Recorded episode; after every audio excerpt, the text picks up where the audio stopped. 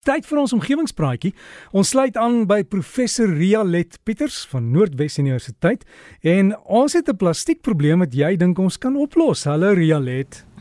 Môre Derek. Ja, ehm um, een van die groot omgewingsprobleme wêreldwyd is die groot hoeveelheid plastiek wat in die omgewing beland en negatiewe invloede op mense en diere het.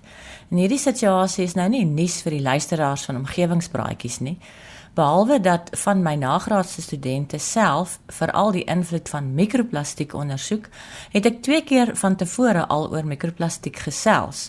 Die eerste keer was om te vertel van die groot hoeveelhede mikroplastiekdeeltjies wat walvisse sou inkry en die tweede keer het ek vertel van die magnetiese poeier wat Australiese navorsers ontwikkel het om die mikroplastiekdeeltjies uit water te haal. Die hoeveelheid plastiek wat jaarliks vervaardig word, styg skynbaar steeds en in 2020 is 'n allemintige 367 megaton daarvan vervaardig. Dit is dus regtig nodig dat die mens vinniger aan oplossings werk om die berge plastiek in ons omgewing af te breek. En vandag se praatjie handel dan ook hieroor potensiële oplossings om van die plastiek af te breek en te mineraliseer of na iets bruikbaars te omvorm. Die nuutste publikasie van 2 waarna ek vandag verwys, kom uit Switserland en is geskryf deur Joel Ruti en medewerkers wat op 10 Mei vanjaar in die wetenskapjoernaal Frontiers in Microbiology verskyn het.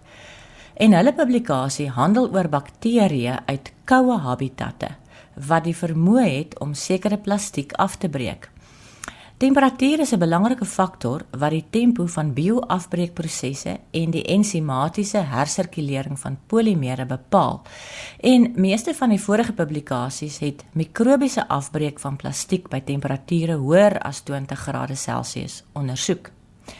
En om die prosesse op industriële skaal aan te pak, moet die temperatuur eintlik verhoog word tot 30 grade Celsius, wat weer beteken dat daar nou weer 'n klompie energie bygebruik bygesit moet word en dit maak die proses weer duur en dra by tot die mens se koolstofvoetspoor. Hierdie navorsers van Switserland het mikroorganismes van die alpynse bergwêreld en die arktiese poolgebiede geïdentifiseer wat ensieme vervaardig wat sekere soorte plastiek kan verteer. Hulle was op soek na bakterieë wat plastiek kan afbreek by laer temperature.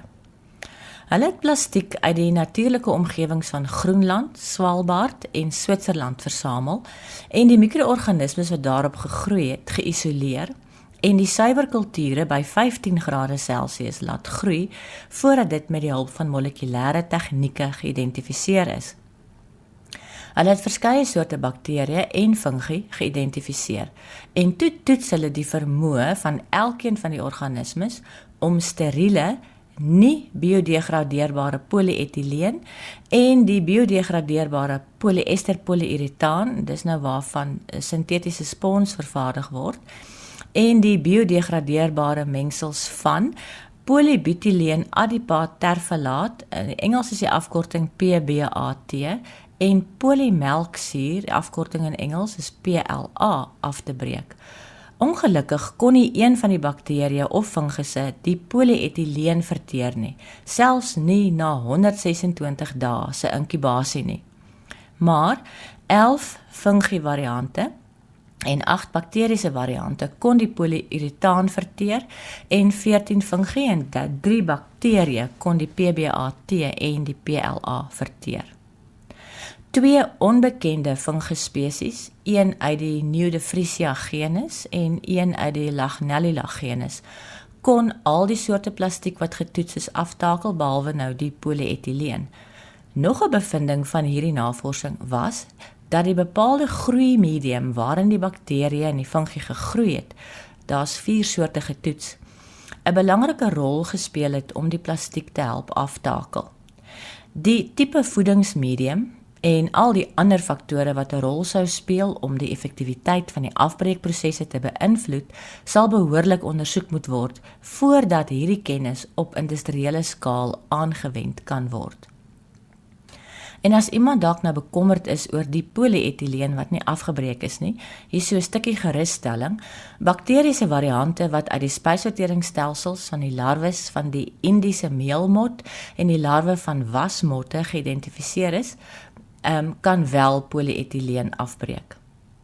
In 'n ander artikel wat reeds in 2022 in Microbial Genomics verskyn het, rapporteer die navorsers uit Australië oor die bakterieë in die larf van die kewer Zophobas morio se spysverteringsstelsel wat polistireen wat veral in verpakkings gebruik word verteer.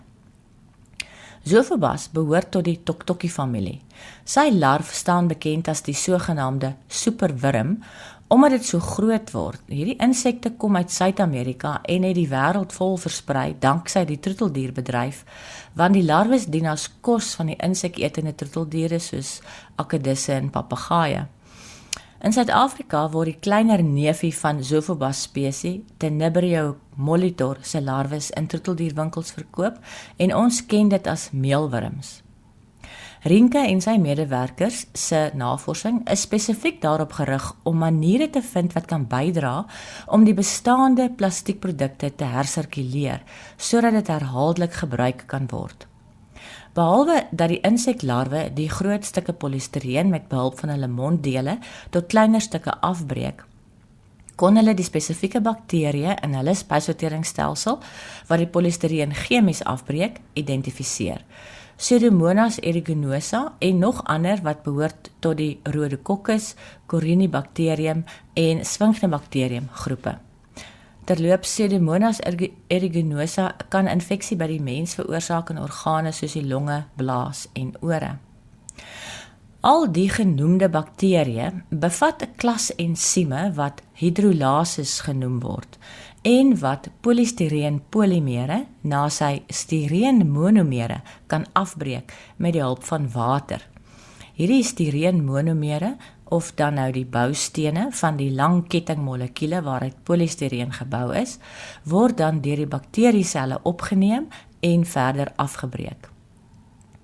Die navorsers het 171 superwurms in 3 groepe verdeel en hulle vir 3 weke lank aangehou. Een groep het net koring gekry, een groep net polistireen en die derde groep het glad nie kos gekry nie. Die groep larwes wat net polistireen as kos gekry het, kon daarop oorleef en kon selfs hulle lewensiklus voltooi. Hulle kon dus papies word en die volwasse kewers het weer daaruit ontwikkel. Hierdie larwes het net 'n kwart van die toename in liggaamsmassa gehad in vergelyking met die wat die koring gekry het. Wat daarop dui dat al kan hulle die lewensiklus voltooi, hulle dieet van uitsluitlik polistireen nou nie eintlik ideaal is nie en met 'n koste gepaard gaan. Dit sou dus moontlik wees om kosafval of landboubioprodukte met polistireen te meng en die larwes toe te laat om die polistireen af te breek. Maar die navorsers wil eintlik larfvrye stelsels ontwikkel waar die aanvanklike kleiner maak van die polistireen deur die larwes vervang word met 'n meganiese afbreekproses wat opgevolg word deur die toediening van bakteriese ensieme. Die resultaat van die ensiemaktiwiteit kan dan vir ander bakterieë gegee word wat die afbraakprodukte verander in polyhidroksialkanoaat wat 'n soort bioplastiek is. Maar soos met baie soorte navorsing wat beginsels illustreer, is die bewys van 'n suksesvolle toepassing die volhoubare implementering daarvan op groot skaal en dat dit van so aard is dat dit nie tot ander nadelige effekte lei nie, soos die toename in die koolstofvoetspoor. Ek het op omgewingspraatjies se Facebookblad foto's geplaas van die superwurm en sy volwasse kewer. Gaan kyk 'n bietjie. So gesels professor Rialet Pieters van Noordwes Universiteit. Kom ons hoop dat daar minder plastiek gaan wees eendag.